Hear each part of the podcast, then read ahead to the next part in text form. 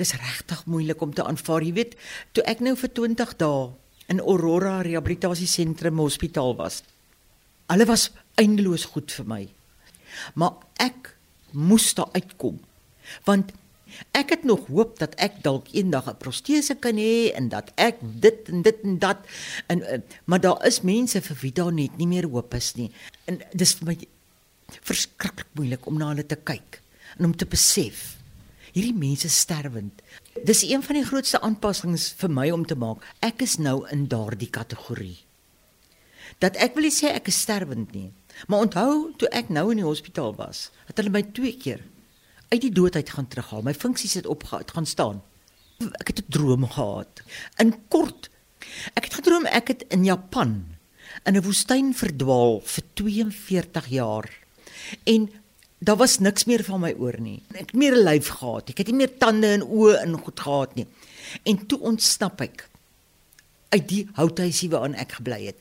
En ek het 'n swart chiffonrok aan.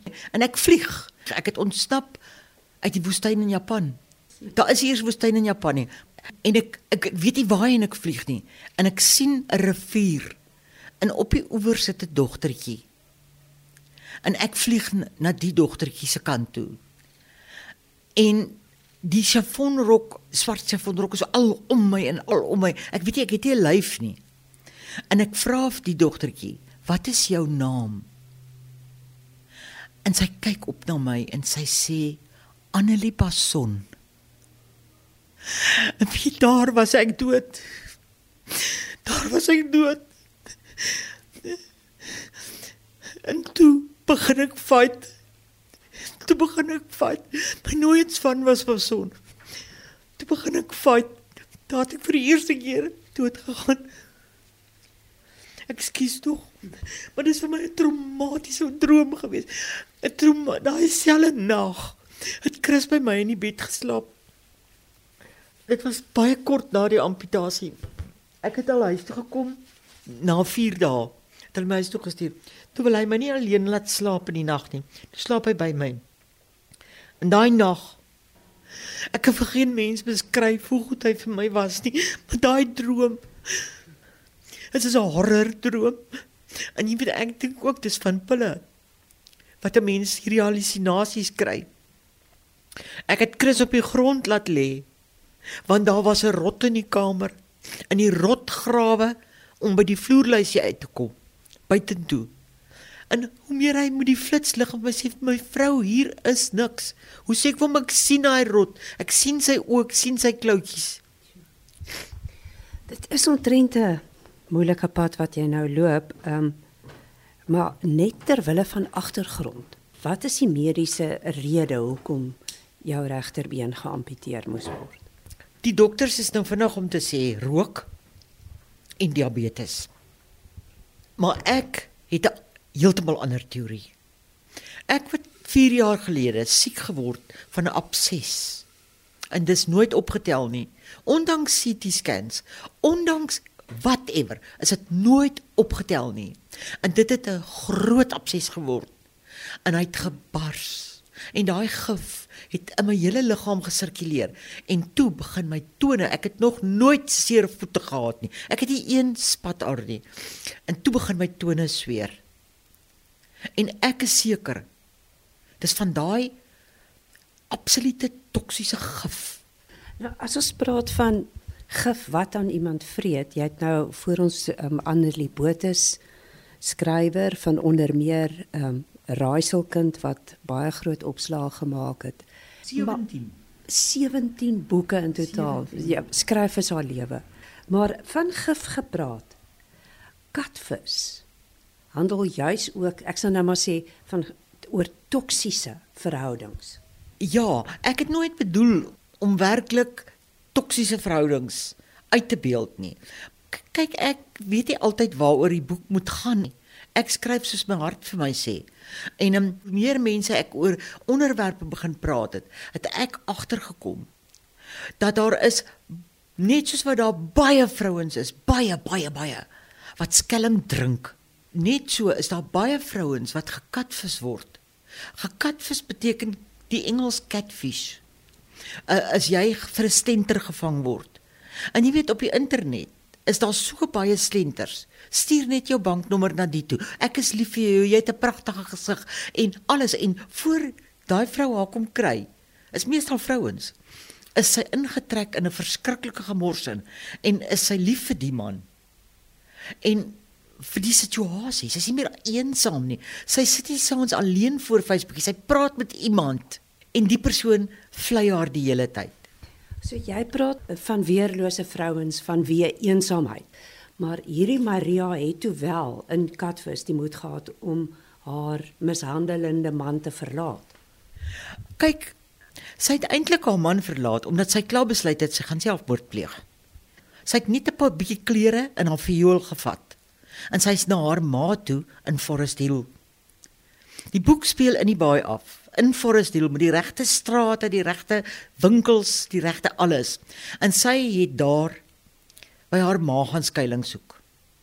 En haar ma het almekaar vir haar gesê jy stupid, jy stupid. Ons kon 'n goeie ou dag gehad het jy het met 'n ryk man getrou. En jy weet vrouens, sy moes gebly het. Haar ma wou gehad sy moes bly want haar ma se hare moet elke 6 weke gedaai word. En haar ma se naels moet gedoen word en dit was nooit gedoen nie. Eers toe toe Maria of Maria soos sy eintlik dan nou in die boek bekend staan, be eers toe sy met Gerhardus trou, toe sy geld in oorvloed. En en hy skop haar en hy gooi haar teen die yskas en hy ketting haar vas in die huis. En en sy mag nêrens sy mag aan niks behoort nie, maar sy het die geld. Maar dit klink dan vir my asof jy regtig deur die jare, ek weet nie, jy doen seker lank navorsing voor jy 'n boek skryf, want jy leef jou nou so in die karakters in so asof een van jou vriendinne of mense by toesprake of praatjie oggende of so met jou gepraat het. Uh, wie baie mense praat met my en en baie mense vertrou my want ek gooi nie hulle name oop nie. En en dan kom hulle uit, jy weet soos Tula Tula. Dit was diep diep intense privaat goed wat uit gesinne gekom het. Die storie vorm homself op die ou einde. Mense vra baie vir my. Ek kry elke tweede dag 'n e-pos wat vir my vra: "Hoe skryf 'n mens 'n boek?" En dan sê ek altyd: "Begin net. Die boek sal homself skryf. As jy iets het om te sê, dan sal die boek homself skryf. My kop is vol inligting, vol vol vol inligting vir jare en jare se inligting.